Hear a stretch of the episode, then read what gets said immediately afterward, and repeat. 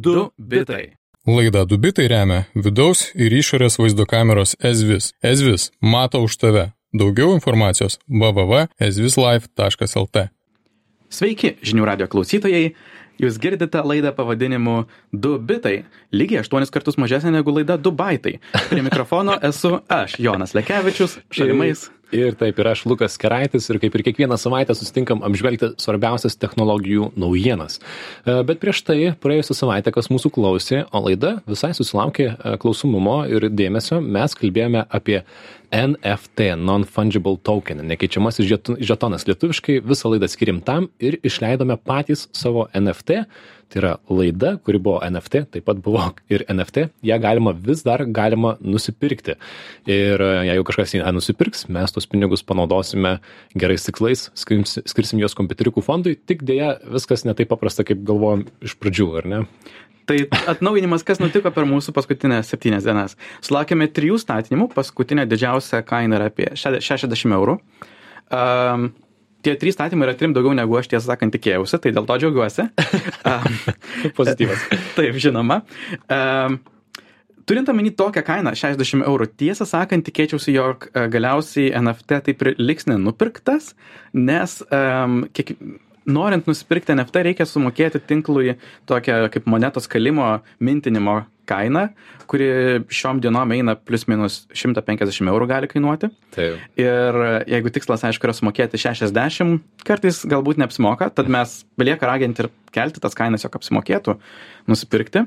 Iki aukciono pabaigos liko šešios dienos, tai mes kitą laidą jau žinosime, kaip viskas baigėsi. E, Ir dar priminam, jog prie NFT esame paslėpę linksmą dovanėlę, kuri šiaip išėjo geriau negu pats NFT.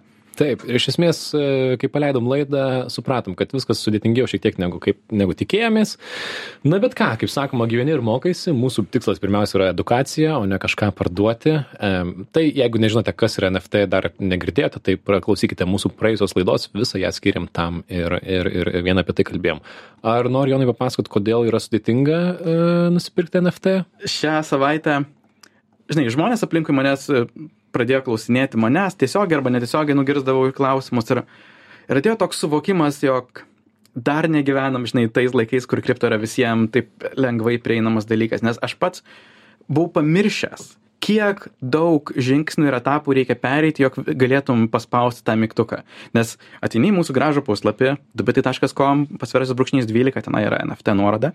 Ir tenai nueini ir yra tokia didelis, didelis mėlynas mygtukas e, - statyti, dalyvauti aukcione. Mhm. Ir atrodo, jog, o, tiesiog paspausiu, suvesiu, kiek noriu sumokėti ir jau dalyvausiu. Ne, ne, ne. Pirma, reikia turėti naršyklės piniginę. Vadinasi, naršyklį instaliuoti tokį plėtinį, kuris laiko tavo kriptovaliutos e, fondą, taip sakant. Ir slaptažodį turi saugoti, aš Reikia slaptažodį išsisaugoti. reikia išsisaugoti taip vadinamą tokią sėklos frazę, iš kurios yra užkoduojami ten tie dalykai. Tai vien tai jau yra kokie keturi žingsneliai. Ir ar to užtenka? Ne. Nes, aišku, piniginė yra standartiškai tuščia, vadinasi, reikia kažkuo papildyti. Tam dažniausiai naudojamos skaityklos ir tai reiškia dar daugiau slaptažodžių, papildomų apsaugos priemonių. Šiais laikais beveik visos skaityklos prašo patvirtinti tapatybę, kas reiškia asmenukės su ID kortelių nuotraukomis. Taip, Užtruks porą dienų. A, taip, ir pats pavedimas dar gali užtrukti porą dienų, kol atkeliauja. Trumpai tariant, visai tokia procedūra, kuri net aktyviai suvalgo a, keletą, gali pusvalandį suvalgyti, bet ir laukimo daug dienų. Ir, okei, okay, nusipirki keityklai tuos pinigus, ar jau viskas? Irgi dar ne, nes tada reikia iš keityklos neretai persivesti pinigus į savo piniginę, kas beje gali kainuoti nuo 25 iki 50 eurų, vien pats persivedimas į savo piniginę. Ir okei, persivedi į piniginę. Ar jau gali statyti? Ne. Tada paskutinis dalykas yra patvirtinti savo piniginę, jog tu galėtum apskritai dalyvauti aukci- aukcionuose, vadinasi, autorizuoti e, savo pinigus, kas beje yra sunkesnė procedūra negu pervedimas ir gali kainuoti 100, 150 eurų. Vadinasi, vien tam, jog statyti 70 eurų, tu sumoki 200 vien tam, jog pradėjo dalyvauti ir praleidai kokią valandą krapštydamas Taip, taip. įrangą. Inovacijos, inovacijos, kriptovaliutos, blokčiainai labai kieta, o kai realybėje susitinki, supranti, kad viskas gerokai užtrunka. Mes čia pasidarėm patys savo šiek tiek antireklamą savo NFT, e, bet e, tiesiog norim papasakoti, kaip viskas veikia. Viskas yra Jo, to sudėtinga. moralas yra, jog jeigu jau esate perėję pro visus šitus žingsnius ir turite veikiančią kriptovaliutų piniginę ir Tai tokių eikit, pirkit mūsų NFT. Pirkit mūsų NFT, nes be jūsų niekas daugiau negalės tą padaryti, Taip, tiesą sakant. 60 dolerių, manau, kad, e, kad tikrai verta. Tai štai toks uh, update'as apie mūsų NFT ir kaip mums sekasi, kitą laidą viską jau papasakosim, kas nupirko ar nenupirko, o dabar turime kelias naujienas. Ir pirmoji iš jų yra vėlgi susijusi su kriptovaliutomis. Naujiena, NFT. Taip, ir NFT. Naujiena vadinasi Constitution DAO. Ir kaip čia pradėti? Žodžiu, um, buvo šią savaitę bandė kai kas padaryti bandė, kolektyvišką kriptovaliutomis pagrįstą uh, JAV konstitucijos kopijos pirkimą. Tai yra žmonės internete susirašė, sugalvojo, kad ei, aukcione yra Junktinių valstybių konstitucijos kopija, viena iš 13, tarp kitko, ir vienintelė parduodama, ir nusipirkime ją visi kartu ir padarykime, kad jie būtų nemokami, galima apžiūrėti, prie jos prieiti ir panašiai. Ir neįtikėtinai, per porą dienų e, visą tą kolektyvas visas tas surinko tam 47 milijonus dolerių. Ir to vis tiek neužteko nusipirkti tai konstitucijai. Ja nusipirko milijardierius Ken Griffinas. Aš pats labai aktyviai įsakiau, nes man čia, nu, labai jokinga istorija, tokia viena ambicingiausia, tiesą sakant, pati ambicingiausia, ką žinau iš, iš tokio kripto pasaulio bandymo suorganizuoti e, dalyvavimą aukcione, įsigyti kažkokį fizinį dalyką, e, labai unikalu. Man patiko, kažkas pavadino tai finansiniu flashmobu. Labai geras palyginimas. Um, Įspūdingiausias momentas galbūt buvo toks 24 valandų periodas, kaip aš gyvai stebėjau, kaip jie iš esmės per parą iššoko nuo 4 milijonų surinktų iki virš 45 milijonų surinktų. Um, tiesiog staiga patapo hitų ir visi pradėjo mesti pinigus. E, iš viso mačiau, jog komunikacijų dalyvavo apie 28 tūkstančių žmonių, bet jie sako, jog um, mediana aukojimo buvo apie 250 dolerių, vadinasi, daug, daug skirtingų žmonių Taip, daug smulkių veikėjų. Labai daug kas pastebėjo, daugeliu tai buvo pirmas pavedimas jų kriptovaliutų piniginiai, kurias vat, ap- apturėjome. Vadinasi, pagavo vaizduoti net žmonių, kurie nebuvo e, kripto pasaulyje. Nemegojau, žiūrėjau, kaip tas aukcionas vyko gyvai. Trečią valandą ryto Lietuvos laiku jis vyko. E, Prasidėjo nuo 10 milijonų ir pirmas statymas iš karto buvo 30 milijonų, nes žmonės žinojo, Auč. e, kas, kas bus. Ir iš karto liko tik du konkurentai, dar nebuvo aišku, kuris, kuris laimės, kuris nelaimės. Um, laimėjo dabar jau žinome, jog tas Ken Griffin, ar ne, e, Citadelės e, fondo vadovas, kuris, tiesą sakant, yra toks interneto blogiukas ir priešininkas. Ta prasme, Na, tų, Jog- tų kurie, ne, kurie yra labai technologijose e, pažengę ir mėgstantis, tai nemėgsta šito veikėjo. dažniausiai. nemėgsta to veikėjo, nes jisai buvo, metų pradžioje buvo GameStop, toks sprogimas ir finansinis burbulėlis. Taip, čia finansų rinkų jau klausimai, bet GameStop akcijos buvo iškilusios, ten toks viskas memų ir finansų lygmenyje istorija tikriausiai. Ir jo, ir, jis buvo to priešininkas. Ir tam tikros met simboliškai nutiko tai, jog vienoje pusėje žmonės susimetė daug pinigų, jog žmonės nusipirktų konstituciją, jų net uh, tas žetonas vadinosi žmonės. ir, ir aišku, nugalėjo uh, tiesiog finansų įmonės vadovas. Taip, Constitution DAO pasidavė sakydami, kad tiesiog neužteks likusių pinigų e, išlaikymui, konstitucijos ap- apdraudimui, kas visai suprantama.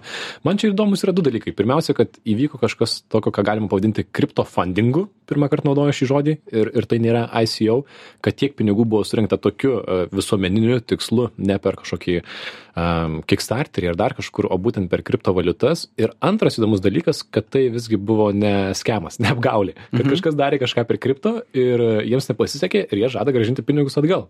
Prie to Vau. labai neblogai prisidėjo tai, jog nuo pat pradžių tai buvo um, vieši žmonės. Jie Mm. neslėpė, nebuvo po anoniminiam kaukiam, jie buvo labai aiškus vardai pavardė žmonių, kurie organizuoja šitą, tai, taip sakant, n- nebepabėgsi su tais pinigais. Bet dabar jie yra chaotiškoje situacijoje. E, pralaimėjo aukcioną, turi tuos 40 milijonų ir turi daug, daug nepatenkintų žmonių, kurie sako, o kas dabar? Kai kurie nori kažką tęsti, bet didžioji dalis sako, gražinkit pinigus tačiau tas pinigų grąžinimas irgi nėra pigus dalykas nes jau išsiaiškinom jog pavedimus padaryt kripto erdvėje gali būti nepigu ir labai nemažai daliai tai suvalgytų visą jų atliktą paaukojimą. Tad dabar tiesiog vyksta chaosas. Iš esmės turbūt panašu jog užsidarys ir pabandys grąžinti kiek įmanoma daugiau pinigų. Um, bet gražiai iš tos situacijos nebeišeis. Taip, bet įdomu, kad iš tikrųjų bandėme sugalvoti pavyzdžių, kada būtų kažkas panašaus vykdyta e, finansavimas kriptovaliutomis visuomeniniais tikslais, ne, ne finansiniais, ne kažkokiais įmonės įsteigimui, tai sunku tokių sugalvoti, tikėtina, kad ateityje bus daugiau. Tai labai įdomu, kaip čia viskas išsiritulios. E, žinių radijo klausytojams priminsiu, kad girdite laidą Du bitai. Lukas ir Jonas prie eterija mes kalbamės apie šios ir praėjusios savaitės technologijų naujienas, kad tik apkalbėjom Constitution DAO ir kita naujiena, kurią šiandien norim paminėti. Vadinasi, Apple teisė taisyti, Apple Right to Repair. Galbūt kažkas seka šį judėjimą, šią idėją, na tai šią savaitę įvyko šis tas. Apple paskelbė, kad suteiks galimybę pagaliau pačiam taisyti Apple produkciją. Tai yra parduos tam reikalingas detalės. Ir tai bus galima nuo kitų metų kažkada gal vidurio atlikti Junktinėse valstijose ir Junktinėje karalystėje. Ir Apple siūlys apie 200 detalių ir įrankių iPhone 12 ir 13 taisymui, e, taip pat ir MacBookams ir, ir panašiai. Ir dargi atidavę seną savo įrenginį perdirbimui, e, gaus nuolaidą naujai, nauj, naujam taisymui. Tai įdomu tai, kad e, Junktinėse valstijose šita tema Right to Repair, teisė taisyti, yra tikrai daug garsesnė negu pavyzdžiui Lietuvoje. Ir per pastarosius pusę metų čia visai vyko nemažai pokyčių, technologijų, youtuberiai daug apie tai kalba, kviečia veiksmui ir štai Apple pagaliau sureagavo. Ir mūsų su Jono nuomonės čia šiek tiek išsiskiria šitoje vietoje vieno klausimo, ar ne? Ką tai reiškia realybėje ir kaip tai veiks realybėje tą teisę taisyti. Nes, žinai, dar prieš, prieš nuomonę galima dažnai tiesiog mhm. pasakot faktus, ką, dėl ko galima ir nebejoti, jog istoriškai Apple buvo pakankamai smarkiai teisės taisyti priešininkė. Ir to argumentai būdavo žmonių saugumas, bet dar labiau tai, jog uh, negalėdavo užtikrinti šimtaprocentinės kokybės, ypač kas yra susijęs su autentiškomis dalimis ir ne, bet iš dalies tai yra jų pačių sukurta problema, jog jeigu jie nedalina ir neparduoda tų autentiškų dalių, tai aišku susikuria pilkoji arba juodoji rinka neautentiškom dalim. Tad visą laiką jie buvo tokioje sudėtingoje situacijoje, jie turėdavo autorizuotus uh, aišku, turi savo Apple parduotuvės, Lietuvoje jų nėra, bet turi autorizuotus centrus, kurie turi sutikti su labai griežtom sąlygom, įskaitant sutikti, jog jie netaisys tam tikrų dalykų ir mhm. perduos tai Apple. Tiesiog siūs paštu. Taip, kas, kas buvo labai suvaržanti sąlyga ir to išvada tiesiog būdavo, jog e, dominuodavo tokia didžioji pilkoji masė, neautorizuoti taisymo centriukai, kurie ir čia visur Lietuvoje egzistuoja. Taip, bet Apple tikrai būdavo taisyti iki šiol labai brangu, na ir e, pagalvokim, tiesiog MacBooką taisyti gali kainuoti kažkokias smulkus gėdimas, pavyzdžiui, 750 eurų, naujasis kainuoja 1000 ir problema yra didžiulė. Tai yra ir neekologiška ir ir ir panašiai ir ir neapsimoka ir tikrai aš turiu ne apple telefoną tai viskas gerokai atrodo paprasčiau. Ir kaip tai atrodys realybėje? Čia mūsų nuomonė šiek tiek išsiskiria mhm. nes apple sako kad skiria savo na tą teisė taisyti yra skiriama individualiems ar ne e, veikėjams. Tai būtent jie kalba apie individus e, pirkėjus kurie turi teisę į savo namus užsisakyti ne tik dalis bet ir įrankius reikalingus taisyt su ta mintimi jog turbūt jie kol kas tų įrankių neturi nes tai yra jų pirmas taisymas ir savo virtuvėje yra nupaišyta kaip tai. atsidaro telefoną ir taiso pranešime spaudai galime matyti kaip kažkas virtuvėje neva taiso su įrankiais savo savo iphone ar kažką ir aš manau aš manau kad tai reiškia jeigu jie pradaro šitas duris manau kad tai reiškia jeigu jie leidžia individualiam veikėjui taisyti savo telefonus tai reiškia kad e, ir visi servisiukai vilniuje ar dar kažkur kuriuose kiek man tenka lankytis dirba labai e, žmonės kurie randa visus sprendimus ir moka apeiti viską mano asmeninė patirtis jie gaus tas detales ir visiems nuo to bus lengviau bus taisyti pigiau jonai kaip suprantu nesutinki aš nesu tikras kiek smarkiai apple reguliuos savo šitą sukurtą programą. Nes jeigu jų e, griežtas tikslas yra didinti būtent tą autorizuotų centrų, jog visi autorizuoti centrai sutiktų su jų sąlygomis, vadinasi, jų motivacija bus, jog nieks neapeidinėtų šitos sistemos per tą individualių e, pirkėjų e, sąlygą. Ir jeigu jie pradės matyti, jog žmonės kažkokiu būdu apeidinėja, užsakinėja 80 ekranėlių per savaitę, nes vis daužo ir daužo, tuomet gali būti, jog jie pradės e, raukti šitą programą ir sakyti, jog ei, ei, ei, per daug perki, turbūt esi centriukas, autorizuokis. Na, aš tikiu, kad žmonės iš- išmintingi, gudrus ras apėjimą šitam visam reikalui ir e, manau, kad yra tiesiog smagi naujiena Apple produkcijos turėtojams ir jiems tais taisymas pagaliau kainuos pigiau. Pagyvensim, pamatysim, ar ne? Sutarėm, aš suprantu ir tavo argumentus, pažiūrėsim, kaip bus realybėje po pusės metų. aš pats, jeigu sudaužyčiau ekranėlį arba suprasčiau, jog baterija krenta, tai tikrai bandyčiau. Aišku, klausimas, kaip Lietuvoje pavyks šitą programą gauti, nes Taip. dabar tik tai dvi valstybės, bet aš būčiau vienas iš tų turbūt narsesnių, kur, kuriuos Apple iliustruoja ir sako, nori pats bandyti taisyti telefoną, mes neatsakom už nieką, bandyk, pabandyčiau. Aš labai lengvai tave įsivaizduoju ant virtuvės stalo, krapštantį savo iPhone ir tvarkantį. Ir tada jau galėčiau keisti visą telefoną, ne tik tai ekranėlį. Bet man atrodo, kad daugelis rinktųsi tiesiog nunešti į taisyklą ir pataisyti pigiau, bent kad tai kainuotų bent mažiau nei pusę naujo įrenginio kainos. Tai va, tokios naujienos iš Apple, dar dvi naujienas gal spėjom kosmoso temoje. Tai pirmiausia, tokia įdomi naujiena, kas žinote filmą Armagedonas, esate matę 88 metų, viskas labai paprasta. Tai trečiadienį sėkmingai pakilo SpaceX raketa kartu su NASA vykdysianti išskirtinę misiją. Jis vadinasi dvigubas asteroido nukreipimo bandymas. Šitos misijos siekis yra ištestuoti galimybę smūgiu į asteroidą pakreipti jo skriejimo trajektoriją, jeigu jau jis skris- skrietų į Žemę. Tad e, pakilo raketa, ji paleis dar tokį atskirą um, savo kosminį erdvėlaivį, kuris skris dabar pusę metų iki kosminio kūno pavadinimo Dimorphos ir kažkur kitų metų spalį turėtų jį atsitrenkti į jį ir tikėtis, kad e, jo skrydžio trajektorija, jo greitį iš esmės pakeis šiek tiek mažiau nei milimetrų per sekundę, bet kalbame apie 11 tūkstančių kilometrų didžiuliai kosminiai atstumai, tai reikštų, kad jisai, na, jis šiuo akimirkai jis nekelia grėsmės, bet, e, na, jisai vis tiek pakeis savo trajektoriją. Ir e, labai įdomu, norėčiau turėti, žinoti, kad Žemėje turim sistemą, kaip galime apsisaugoti nuo asteroido skrienčio į mus, nors šią akimirką mokslininkai sako, kad tokios realios grėsmės gal ir nėra, nėra kad kažkas jau skristų į Žemę, bet kodėl neapsisaugoti nuo to? labai žavu yra tiesiog moksliškai fantastiškai įsivaizduoti, jog mes pagaliau nuo šios savaitės turime planetos gynybos sistemą. Na, drąsiai pasakyta, turim, labai drąsiai. turim misiją, kuri kainuoja 330 milijonų dolerių, kuris siunčia 700 kg erdvėlaivį, e, 11 tūkstančių km ir galbūt kažką pavyks įrodyti. Čia komentaras iš mokslinės fantastikos. Taip, tai na, galbūt jeigu viskas pavyktų, mes turėtume planą, kaip apsisaugoti nuo mm, ka- kažkokių kosminių kūnų, kurie yra maždaug 150-200 metrų skersmens. Dinozaurus pražudęs meteoritas buvo jau ką beveik 10 km skersmens, tai jeigu toksai atskrietų, tai e, jokie Armagedono filmai mums nepadėtų. Tai va, tai čia tokia smagi tikrai naujiena, kitų metų spalį apkalbėsim, kaip sekėsi tam e, erdvėlaviui. Aš vis dar manau, kad reikėjo į jį įdėti sprogmenų, kad jau jeigu jau siūsti taip toli ir daužtis į kitą, tai bent jau su trenksmu, man atrodo. daugiau šansų pakreipti jo kryptį. Bet e, kita naujiena, iš praėjusios savaitės, jinai tokia ne visai šviežia, bet mums atrodė svarbi.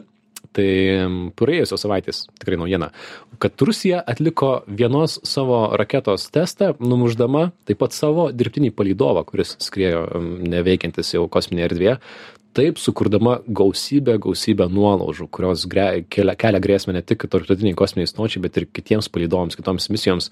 Į tai sureagavo Junktinių valstybių valstybės gynybos departamentas, na ir mokslininkai, kurie labai stipriai kritikavo šitokį Rusijos žingsnį, kurie, na, norėjo išbandyti tiesiog savo kovinės galimybės kosmoso srityje, bet tuo pačiu pridarė kosmose gausybę mažų ir, did, ir didesnių nuolaužų. Mhm. Ir kodėl dėl to visi taip smarkiai nerimauja, nes kosmosas, tu sakytum, tuščia erdvė, galima daryti, ką tik nori.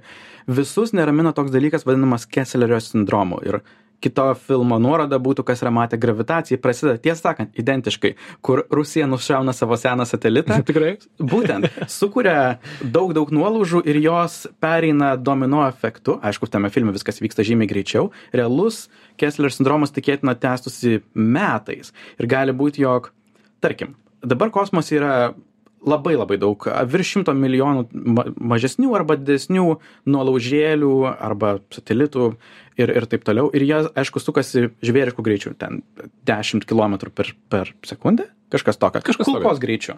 Um, Greičiau. Mhm. Ir jie sukasi labai labai greitai ir kosmosas yra toks didelis, jog tikimybė, jog jie susitrenks yra maža, bet kuo daugiau didėja šitų dalykų, ta tikimybė auga eksponentiškai. Ir tiesiog tas sindromas prasidėtų iš lėto. Galbūt kažkuriais metais yra vienas satelito susidūrimas ir susikuria plus kažkiek tenai, plus 5000 nuolaužos taškelių. Kitais metais taiga jau turi 5 susidūrimus.